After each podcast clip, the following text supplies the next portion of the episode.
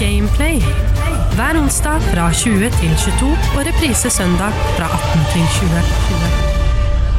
Hjertelig velkommen skal du være til en helt ny episode av Gameplay. Denne gangen er det en spesiell episode, fordi nå er det faktisk sesongfinale for denne sesongen av Gameplay.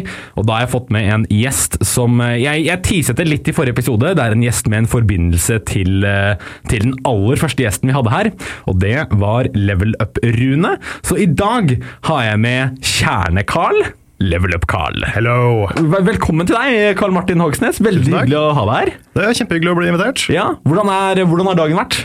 Nei, dagen har vært bra. Ja. Jeg har nettopp kommet tilbake fra Trondheim. Oi, ok. Eh, fordi vi har jo eh, vi, Frida, som vi jobber med, har nettopp eh, disputert og blitt doktor. Oi! Så det var litt stas. Så Derfor så var eh, Rune og Nick og jeg i Trondheim for å feire. da. Ja, så kult støtte oppunder det. Støtte Frida. Det må vi Ja, gjøre. så bra. Hva er ditt, eh, jeg må spørre deg det jeg alltid spør en gjest om, som er det aller første spørsmålet. Hva er ditt forhold til spill, på generell basis? Oi. Det er et stort spørsmål. Ja, det er det. Jeg har eh, vært glad i spill siden jeg var fire. Ja. Begynte med Sonic the Hedgehog Ok. på, på Sega Megadrive hos onkelen min Når du var fire? da jeg var fire år. Oi! Så jeg begynte der. Ja. Eh, og så ble jeg ordentlig forelska i spill når jeg var sånn 13-14. For Da begynte jeg å spille litt sånn RPGs og Final Fantasy og sånn. Og da ble jeg forelska. Ja. Og siden da så har jeg egentlig vært forelska i spill. Hva er det det går i eh, nå i, mo- i voksent liv når du spiller? Hva er, det liksom, hva er din go-to når du kommer hjem fra jobb? Det er veldig mye forskjellig. Ja. Um, det er nok mest sånne s- tunge, litt sånn lange singleplayer action RPG-spill. Der går det mye i. Da tror jeg vi er litt på samme bane. For det er litt sånn Dark Souls, eh, Final Fantasy, den, eh, den verdenen der. Ja. det, er, det er de jeg forelsker meg mest i også. Eh, hva, med, hva med sånn Mass Effect og sånne type spill? Sånn Telltale-spill, Supermassive Games, sånn spill hvor du har valg og sånn? Jeg har spilt mye av det òg. Ja. er Veldig glad i Mass Effect. ja. Og um, ja, jeg, jeg har spilt en del av det. Jeg har ikke spilt alle, Nei. men da- Te- Telltale har jeg spilt mye av. For jeg lurer på om vi har ganske lik eh, smak, egentlig. Fordi at, altså, at mi- Jeg pleier alltid å lene meg på at mine tre favorittspill er Dark Souls, Mass, eh, Dark Souls 1, Mass Effect og, og eh, Det blir vel Bloodborne, da. Eller Ja. Mm. Undertale. Og hvis jeg hører dine tre favorittspill, hva er det?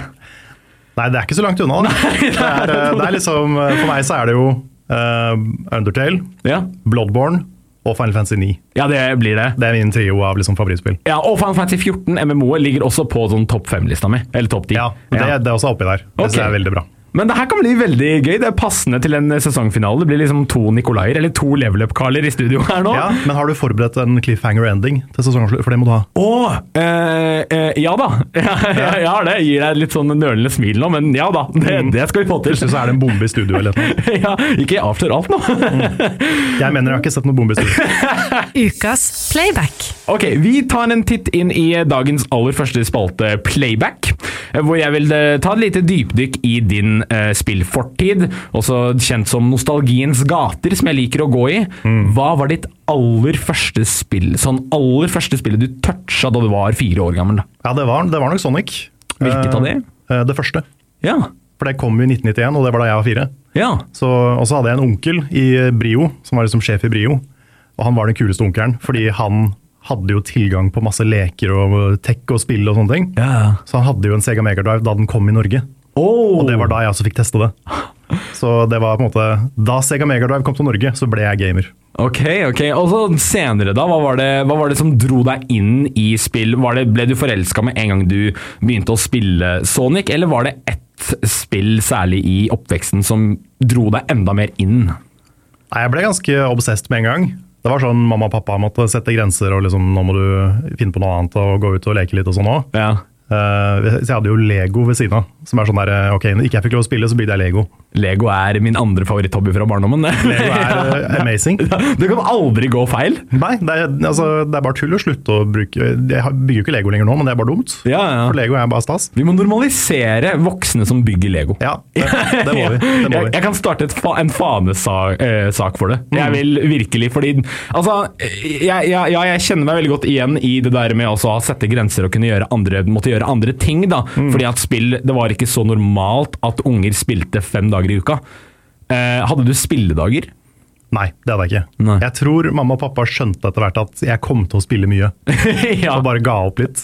det husker, eh, det husker jeg altså. Jeg husker at jeg var veldig, jeg var veldig stor da jeg var liten. Mm. Og så husker jeg at alle Det er en historie jeg ikke snakker mye om, men jeg husker at alle sammen spilte GTA 5 veldig mye. Og så husker jeg at jeg ikke fikk lov fordi det var 18-årsgrense. Ja. Så jeg var sånn eh, Mamma, jeg lover at jeg ikke skal spise så mye godteri hvis jeg, hvis jeg får spille GTA 5. Oi, Så du, du eh, diskuterte deg fram til liksom Ja, jeg forhandla meg fram, Ja, ja, ja. og det endte opp med at jeg fikk spille GTA 5, men jeg stoppet ikke å spise godteri. ja. Ah, Men så lenge du bare får et ja, så Ja. er det ikke så farlig å følge opp. Nei, det er akkurat det! Fordi de glemmer det etter hvert. Mm. Ja, det gjør det. Ja, ja, De tror bare jeg spiller nok et spill. Ja. Eh, hvordan var det med sånn aldersgrense og sånn? Det var kanskje litt vagere da da du var ung? Ja, det var ikke like brutale spill på en måte da. Eller det, det var jo Mortal Kombat og sånn, men jeg hadde jo jeg hadde ikke det da. Nei.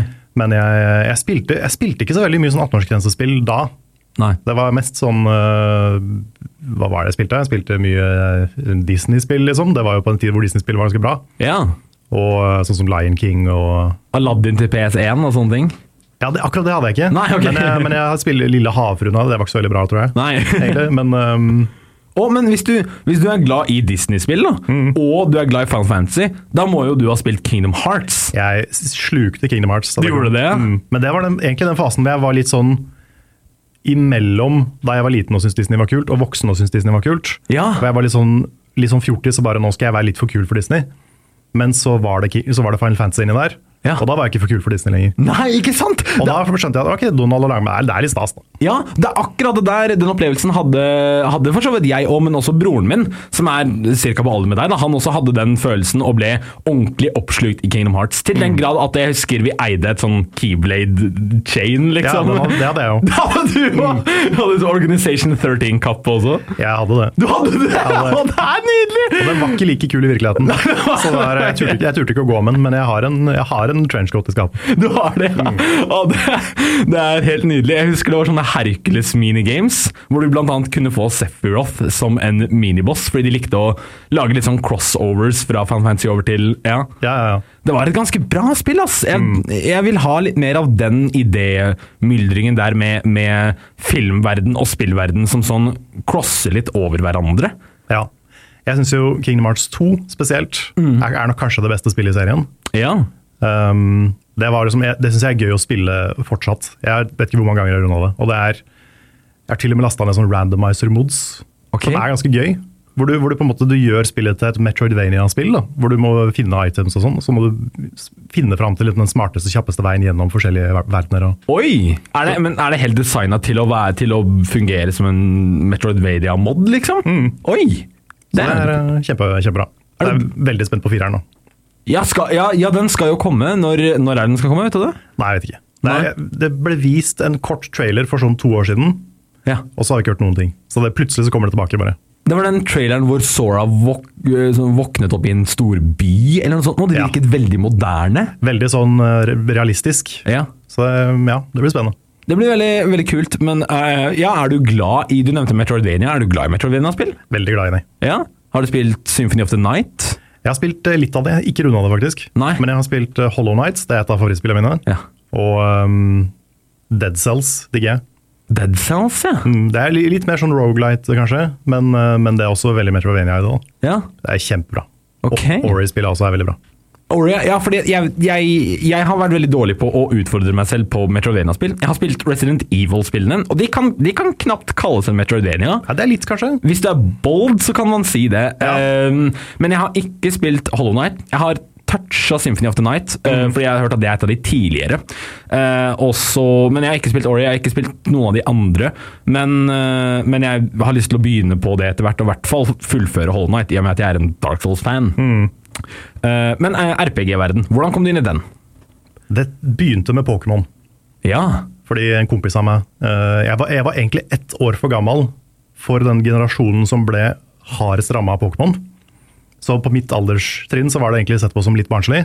ok. Men jeg hadde et par venner som var yngre enn meg, og de var super inne i Pokémon. Og da ble jeg også det. Ja.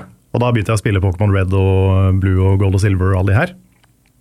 Og det var på en måte min, min inngang til den type spill, da, med leveling og turbaserte combat-systemer og sånne ting.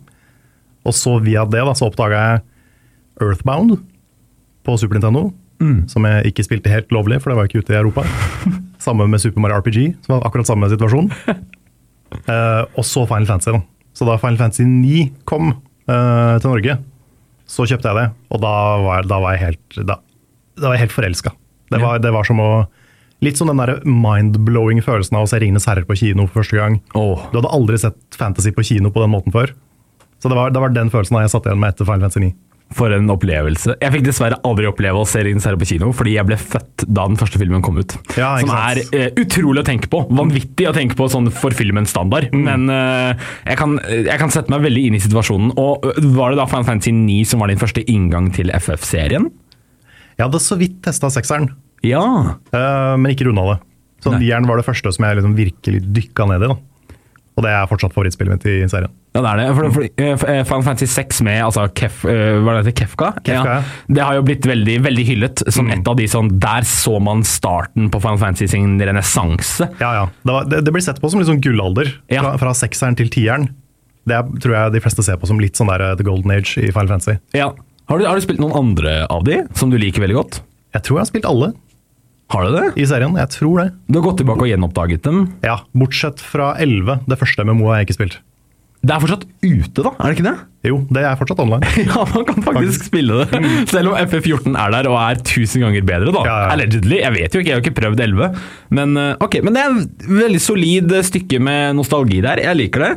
Jeg har lyst til å utfordre deg litt. Ok. For jeg har med en ukjent lyd fra spillverden som eh, Altså, jeg kan ikke si hvor den kommer fra, eller hva det er for noe. Ok. Jeg vil bare spille den av til deg, og så skal jeg se om du klarer å vite hva det er, bare av lydeffekten. Ok, ok, ok. Skal vi, eh, vi kjøre i gang? Kjør på. Du hører Gameplay på Radio Metro. Da er vi tilbake i gameplay. Vi er i andre spalten Gjett lyden, der jeg skal utfordre spillkunnskapen til eh, Level Up Carl. Er du god på spillyd? Jeg er bedre på musikk, tror jeg. Ja. Jeg ser på meg sjøl som ganske god på spillmusikk. Ok. For jeg hører ganske mye på spillmusikk. Men eh, lyd er jeg litt mer usikker på. Altså. Ja, hva, hva er favorittspilltracket ditt? Hvis jeg kan ta det på tampen. Det er hele soundtracket til Undertale, tror jeg. Ah, det er bra. Det er veldig bra. Det er Veldig bra. Ok, men vi skal ikke til Undertale-verden, vi skal til en ukjent verden. Jeg har med en ukjent lyd, lyd fra et eh, spill der ute, og jeg har lyst til å se hvor godt du kan klare å gjette den bare basert på lyden. Er du, eh, føler du deg klar? Vi kjører på. Vi kjører på.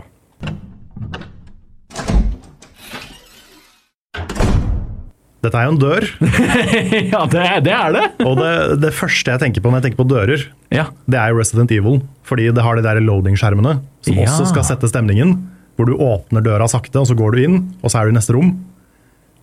Så jeg, jeg tror det er det, da. Ok, ja, jeg har også, et, eh, jeg, jeg har også en, en eh, sang, eh, altså sangfil fra spillet, hvis du vil prøve å høre der og så, før du kommer med et ordentlig gjett. Ok, ok. Ja, vi kan prøve den her.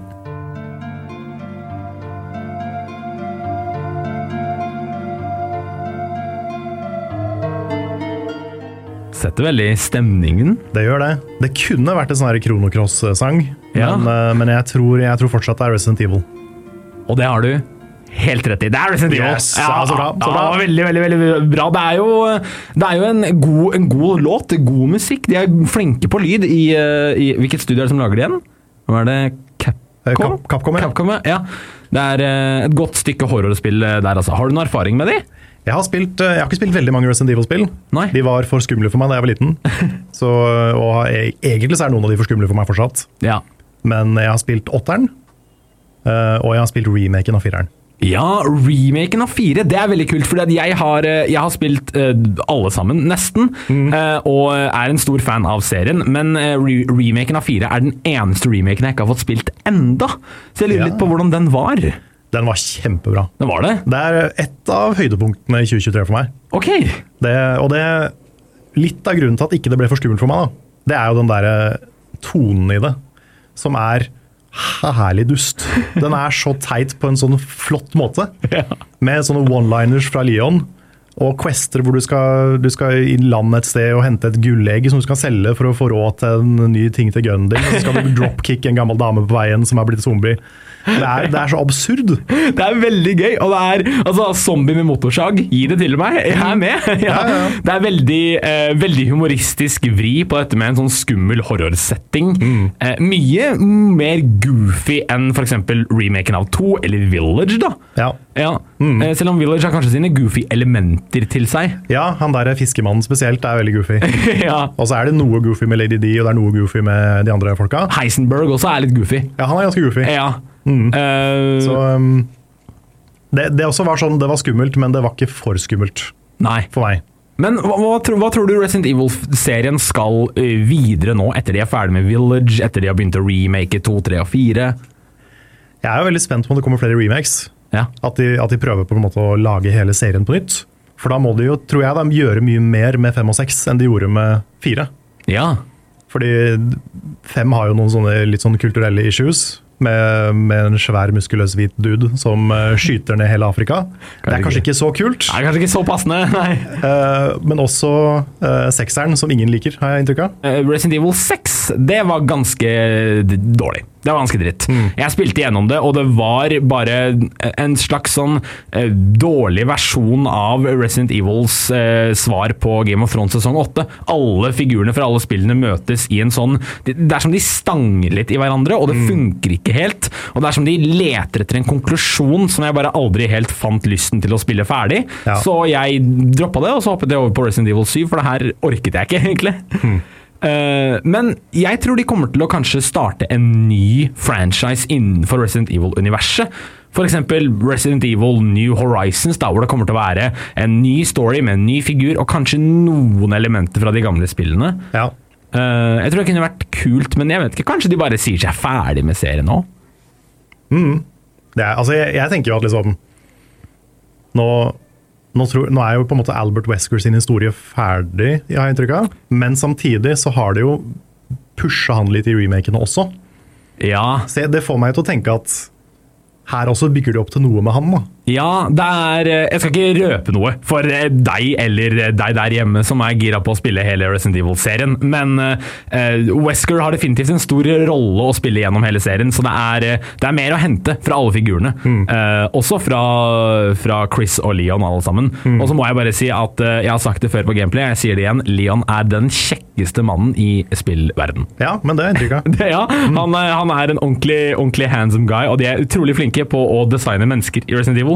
Mens alle figurene er superpene. Ja. ja, Capcom og Square Enix føler jeg er veldig gode på det. Det er det! Sånn, Leon har litt konkurranse med Clive Rossfield, føler jeg, i år, ja, ok. fra 16. Ja.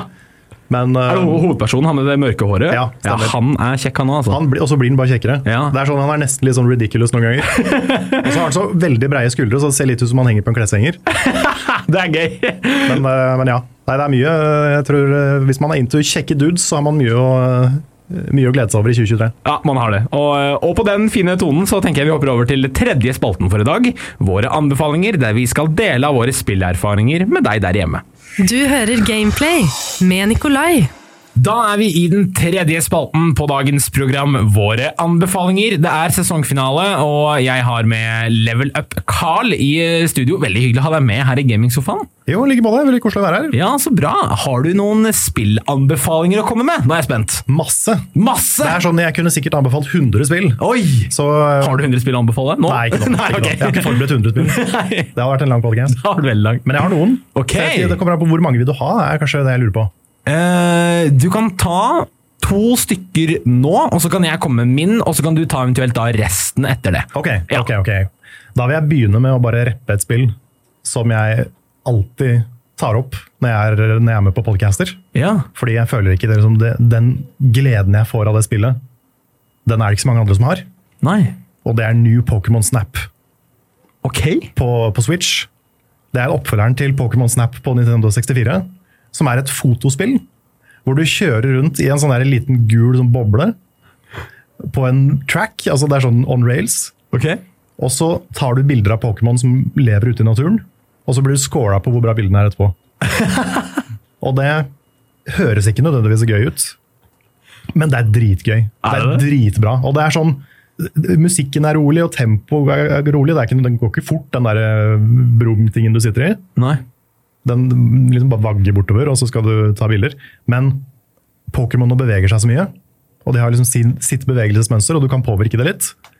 Men da har du den derre Fordi du automatisk går framover, så er det bare et perfekt øyeblikk for det perfekte bildet. Ok. Og det er veldig vanskelig å få. Så da blir det en sånn greie hvor du prøver igjen og igjen og igjen å få liksom the perfect shot. Og det er liksom hjertet i Pokémon Snap, da, føler jeg. Så det er en Pokémon Go-safari hvor momentum og timing er alt. Yes. Jeg er solgt, jeg. Det er, vet du, hva, det er så bra. Er det det? Det er, det er sånn, Folk må bare oppdage Pokémon Snap. Jeg har spilt det, jeg var, Da det kom ut, spilte jeg det så mye at jeg ble Det er leaderboards der for å scores totalt i spillet og sånn. Ja. Jeg var topp 100 i verden. Var det det? Oi, wow! Så det her traff deg ordentlig. Ja, ja, ja. Men hvor, hvor mange Pokémons er det å ta bilde av? Er det, ikke, det er ikke et tall på det, liksom? Er det uendelig? Nei, Det er I det første spillet så var det bare sånn 64 Pokémon, Ja. eh, så det var ikke så mange. Men i det her så er det i hvert fall over 200.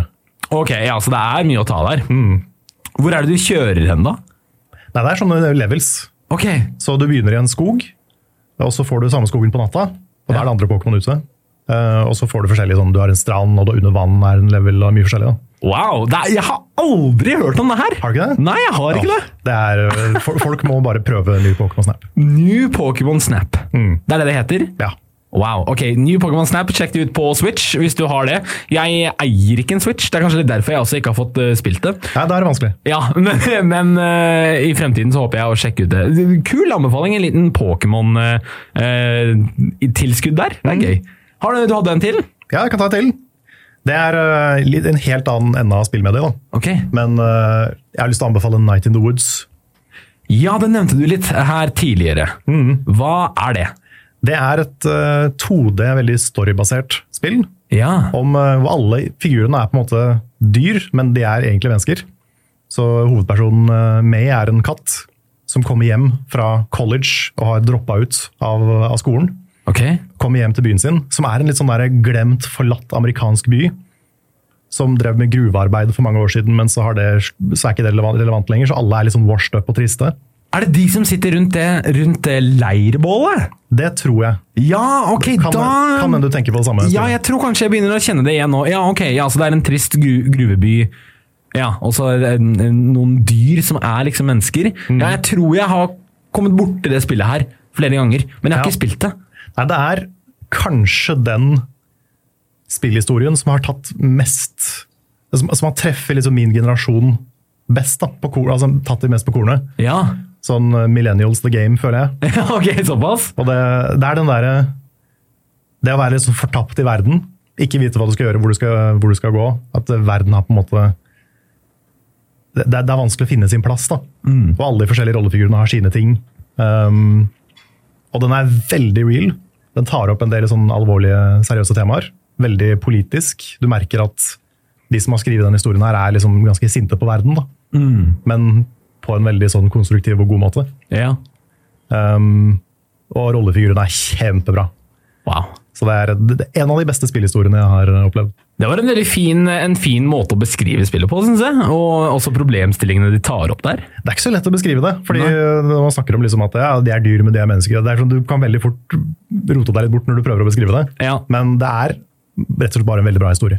Men spill som tar opp politiske temaer, det er, eller, eller også samfunnsretta temaer, er litt vanskelig å beskrive. Du, du Mm. må liksom oppleve de. Ja. Eh, jeg kommer ikke på noen sånn veldig samfunnsspill jeg har spilt. Jeg kom på Disko Elysium, som er veldig sånn politisk Ja, og eh, men du kan, du kan sammenligne det litt med Disko Elysium. Du kan det? Det er politisk på samme måte som Ja. Disko Elysium, bare mye, mye lettere. Det er mye sånn, Dialogen er mye enklere å, å lese. Disko Elysium er veldig tungt, Ja. mens Night in the Woods er veldig lett. Ok. Så det er den største forskjellen på de to. Ja. Men når det kommer til sånn, hva de tar opp, tematikk og sånt, så er de veldig like. Ok, Så alle disse dyrefigurene som sitter rundt dette, dette leirbålet, som da prater, har de forskjellige problemstillinger? Kommer de fra forskjellige bakgrunner? Alle har hver sin historie å fortelle? Mm. Ok. Det er det. Det er, eh, det er to stykker som er på en måte det eneste homofile paret i byen. Ja. Og hvordan de har det med det. da. En sånn by full av ganske voksne konservative mennesker. Og så har du ei annen som tar over, som har vært nødt til å ta over eh, familiebusinessen til faren sin. ja. Som på en måte, er- Hun har mista mammaen sin, faren er liksom washed up og sliten. Så hun må ta ansvar over hele familien. Og så får du vite mye om henne. Og så må du velge på en måte litt hvem av historiene du skal fokusere på. da. For du kan bare henge med en av de. og du har en gjeng på fire, som er liksom eh, kjernegjengen. da. Ja. Og noen har forlatt byen og vet ikke hvor de er. og, og sånne ting. da. Så det er veldig sånn Wow. Det er en historie om et lite samfunn som er bare sånn skikkelig captivating.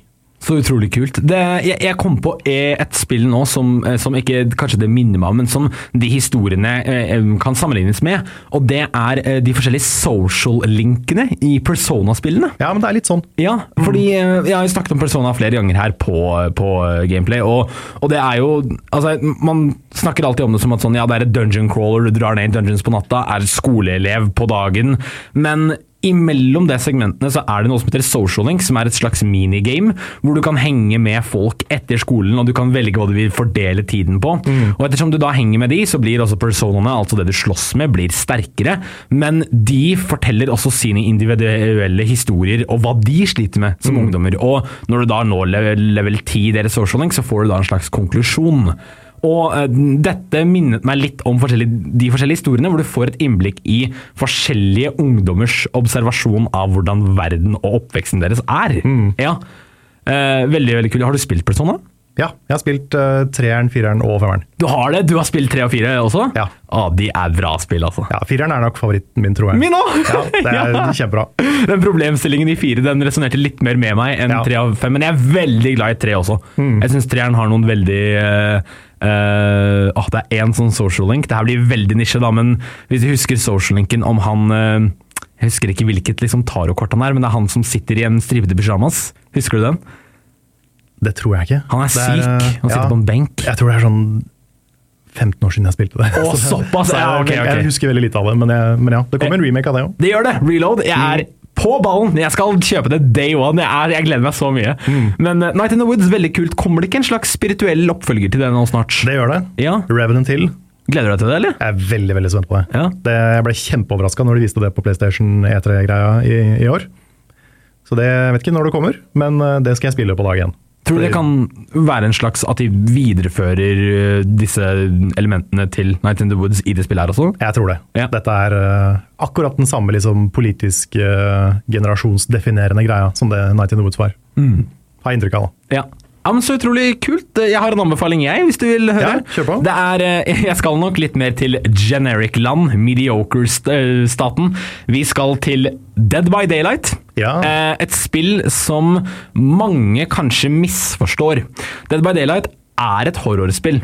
Og det er det mange også tror. Det er et spill hvor du, hvor du spiller som eh, en survivor.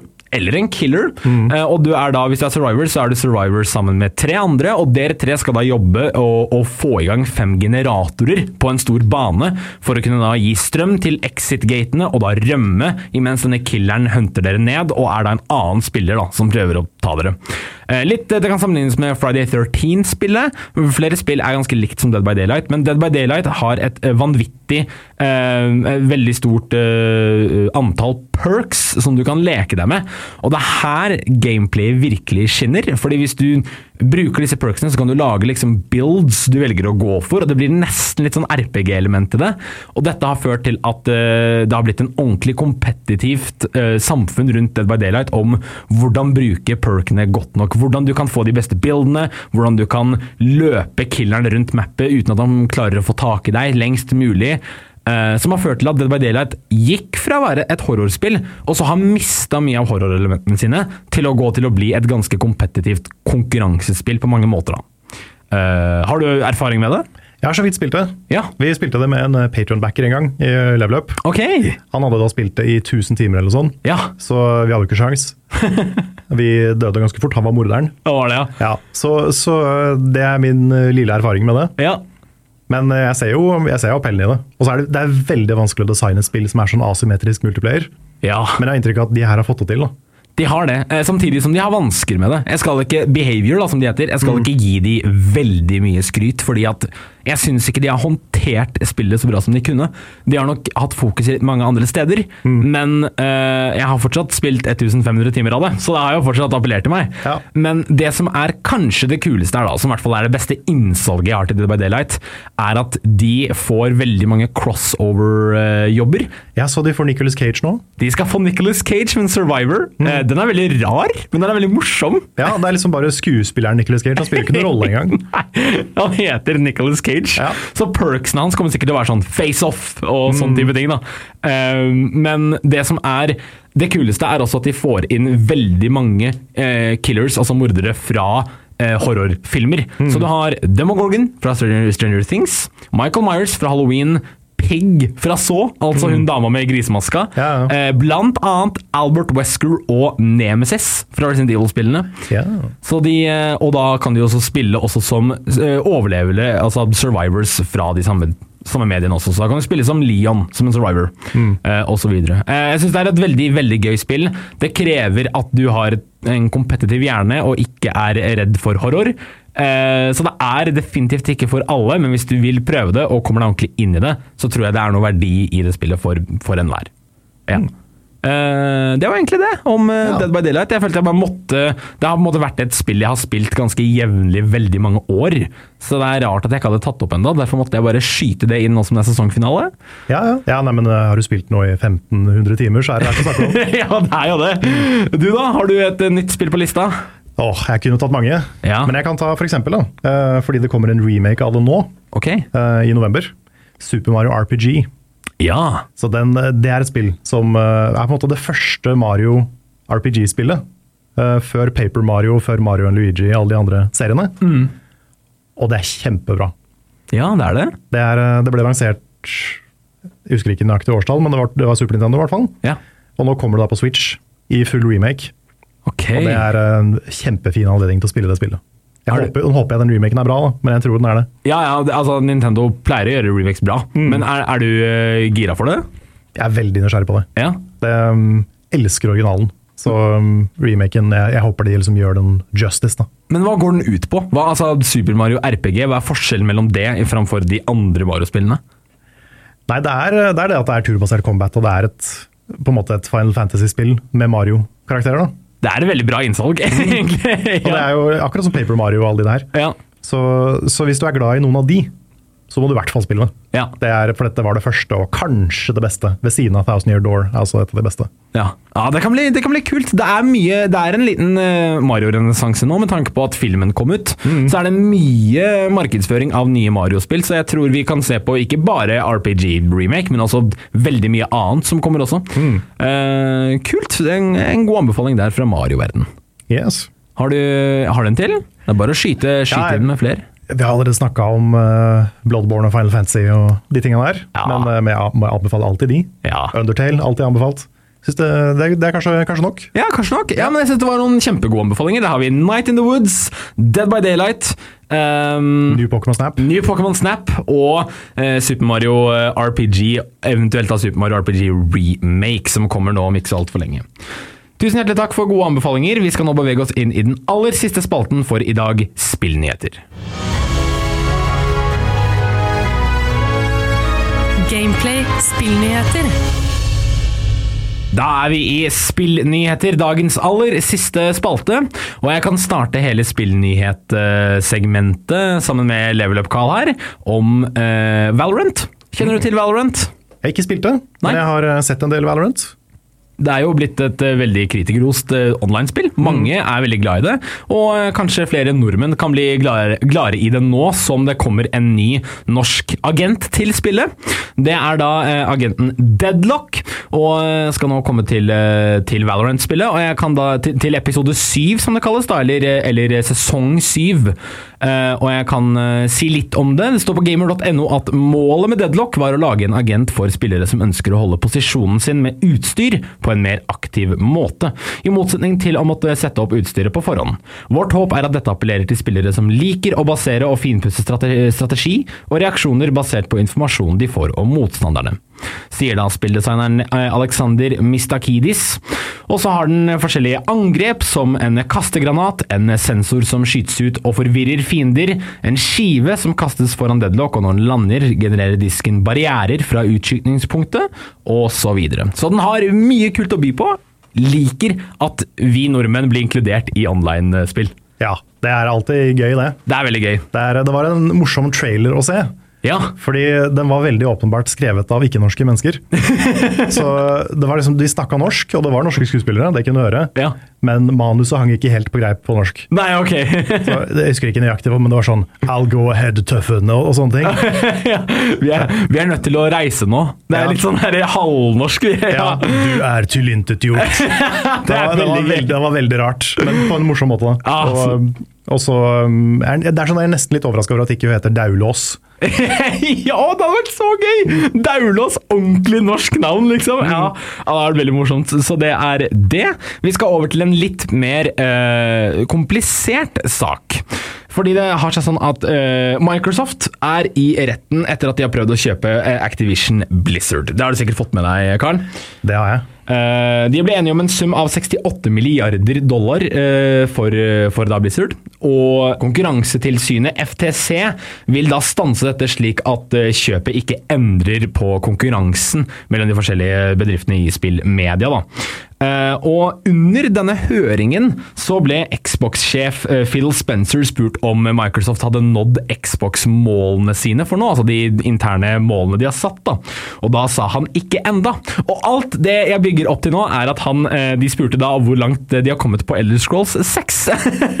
hvor han da svarer at de eh, teamet har jobbet så iherdig med Starfield at Elder Scrolls 6 er kanskje bare så vidt i planleggingsdelen, og kommer kanskje ikke ut før neste konsollgenerasjon, aka 2028.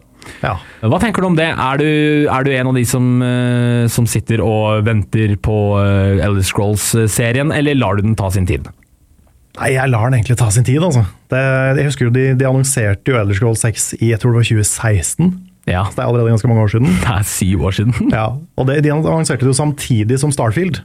Ja, Og Starfield kommer ut nå, så jeg forventer jo i hvert fall fem år før Elder Scrolls kommer. ja. Det er faktisk et godt resonnement, for de trenger jo fortsatt, det er samme time. Så de trenger like lang tid på et, altså Hvis de da kommer med eh, Elder Scrolls 6 neste år, så er det veldig sterkt bevis på at ok, da kommer ikke det spillet til å være så veldig bra, for da har de brukt all tiden på Starfield og så bare ett år på det spillet. Så vi kan på en måte timetracke de litt nå, hvor, eh, hva de jobber med. Det kan det. Bethesda-spill er jo ikke små, så, Nei. så, de kommer, jo- så det, det kommer til å ta tid, det her. Så jeg, Ja. jeg ville anbefalt folk å ikke vente f- for mye på Elder Scrolls akkurat nå. Nei.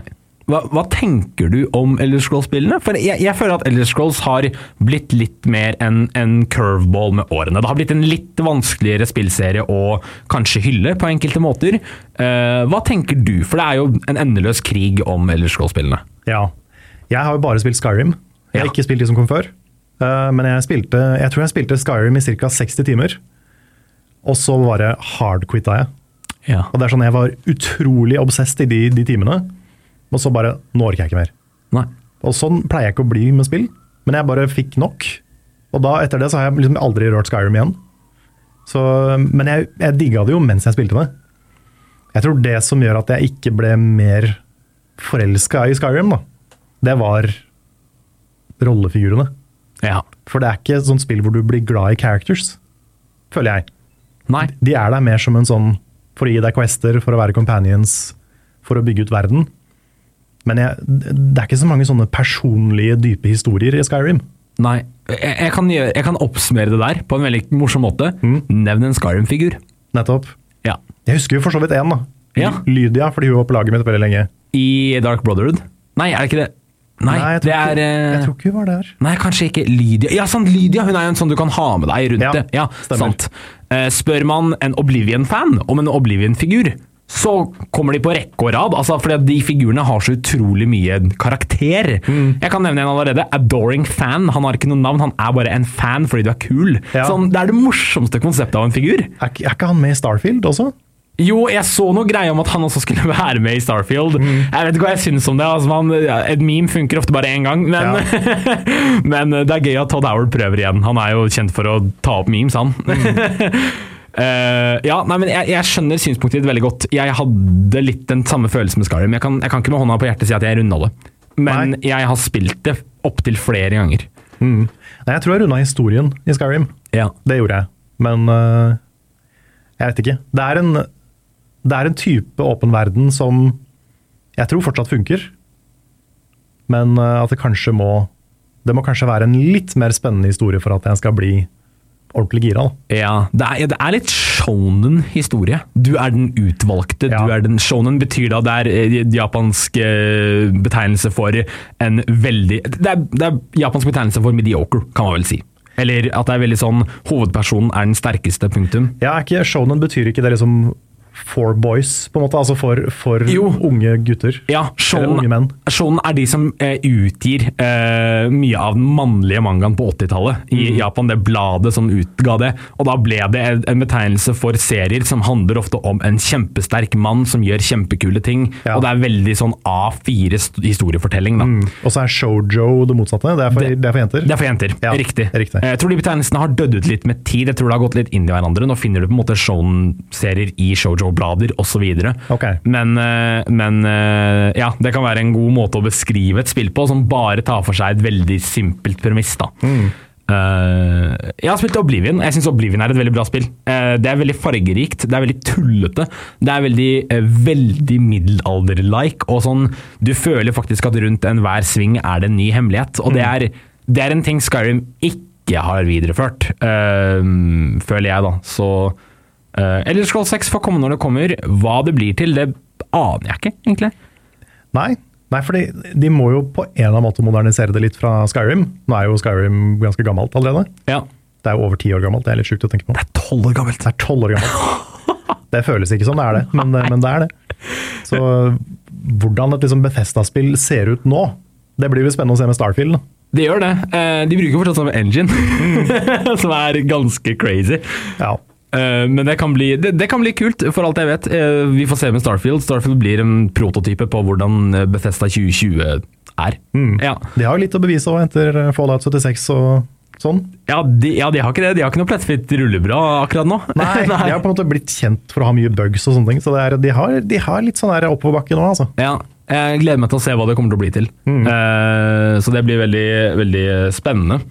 Eh, siste nyheten jeg har for i dag, er rett og slett bare en gladnyhet. Fan Fancy 16 er ute! Det er det. Yeah!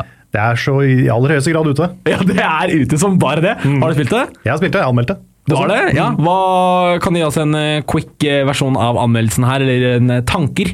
Noen tanker? Ja. Eh, nei, det, dette er jo et veldig annerledes Final Fantasy. Mm. Og alle Final Fantasy er på en måte det. De finner opp eh, serien på nytt for hvert nye spill.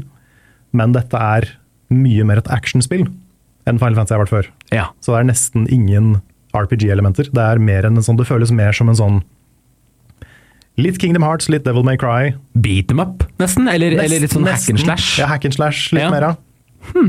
Um, historien er veldig dark fantasy.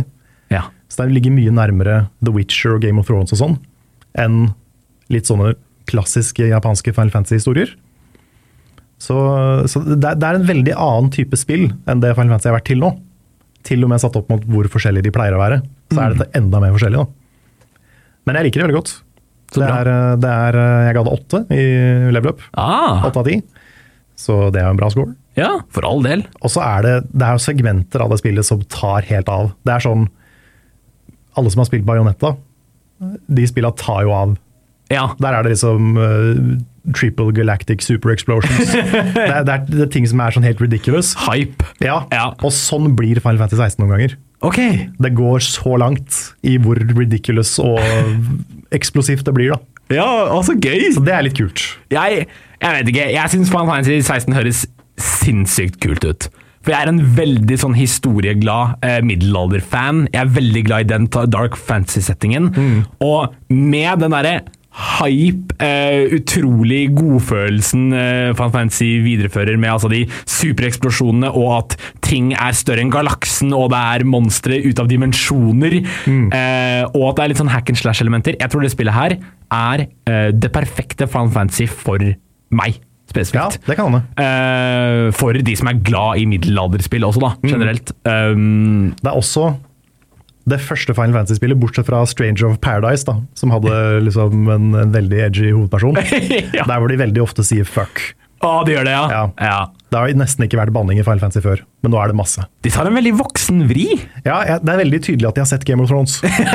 ja, eller Yoshi P har Ja. sett Game of Thrones. Ja. For det her det er også en ting å- verdt å nevne. Det her er jo det første spillet etter Final Fantasy 14 som eh, Yoshida Naoki, altså Yoshi P som er blitt directoren for 14, det er det første han fikk i Final Fantasy-serien etterpå. Så det er hans, en, hans eneste sånn eh, egne spill da, til franchisen. Ja, eh, og det kan jo være litt spørrende.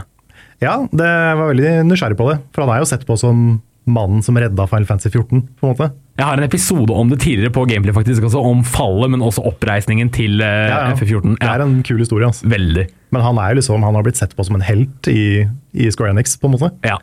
Og han øh, har jo fått det spillet her liksom en sånn tillitserklæring, føler jeg. Og jeg syns han har gjort en god jobb, altså. Det er, det er noen ting med historien jeg ikke syns er sånn helt perfekt. Jeg syns historien i 14 er bedre, ja. men, øh, men det er et veldig, veldig bra spill. Veldig bra spill. Så, så bra. Jeg skal ta det til hjertet, og så skal jeg prøve det ut selv. Og eh, med det så vil jeg si eh, tusen hjertelig takk for at eh, du var eh, gjest i dag, eh, Carl. Takk for at jeg ble invitert. Det var kjempehyggelig å ha deg med, og gøy at jeg kunne få en full circle med Rune, og så endelig slutte med Carl, og så eventuelt da kanskje se dere igjen i noen eh, nye sesonger i fremtiden. Det hadde jo vært gøy. Eh, jeg hører en sånn liten tikkeklokke, hører du det også? Nei. Bak, bak, en liten sånn, Å ja. ja, Shit, er det, det høres ut som det kommer fra en koffert. ja, oi, skal, skal, skal jeg åpne den? Er, er det, er det, det der er noen ledninger som stikker ut av kofferten? Ja, jeg, jeg, tror det, jeg tror det står eh, Gameplay sesong 2. Oi. Oi, men, men det er en bombe under Gameplay sesong 2. Hvis ikke du kutter riktig kabel nå, så blir det ikke noe sesong to. Ok, ok, eh, jeg må kutte riktig, riktig kabel. Skal vi se. Eh, hvilken farge? Det er rød, svart og hvit. Oh shit. Hva Du får er- velge. Da må du, jeg tror du må ta, du må ta mellomnavnet til mammaen din eh, baklengs, Ok. og så er det en farge. Det, det, er, eh, to- det, så er det er noen bruksanvisning under her. Ja, ma- eh, mamma heter jo eh, Dør til, me til mellomnavn, så da blir det rød. Rød. ok. Ja. ja, men da må du kutte rød. Eh, ok, da kutter jeg rød. Da kutter jeg rød. Nå skal vi se. Let's finish this. Your feeble attempts only delay the inevitable. Ja, det var det for gameplay, i hvert fall. Jeg vet ikke hvor jeg er engang, jeg, men det er ikke noe gamingsofa her. Det er ikke noe studio, og ikke noe level up, Carl. Jeg, jeg tror eh, Albert Wesker fra Resident Evil hørte at vi snakket dårlig om eh, Resident Evil 6, og så kom han og sprang hele gamingsofaen. Men eh, hva- hva er det jeg hører? Er det Steve fra Minecraft? Det er så hyggelig at du er her. Bygger du en ny gamingsofa for meg? Ah, så hyggelig av deg. Men da ser det ut som det blir en gameplay sesong to likevel, da. Det ser ut som at eh, Steve trenger å bruke litt tid på å bygge opp den nye gamingsofaen, hvis jeg kjenner han eh, rett. Så da kan jeg ikke med trygghet si at vi eh, høres neste onsdag, men vi høres igjen til høsten med Gameplay sesong 2.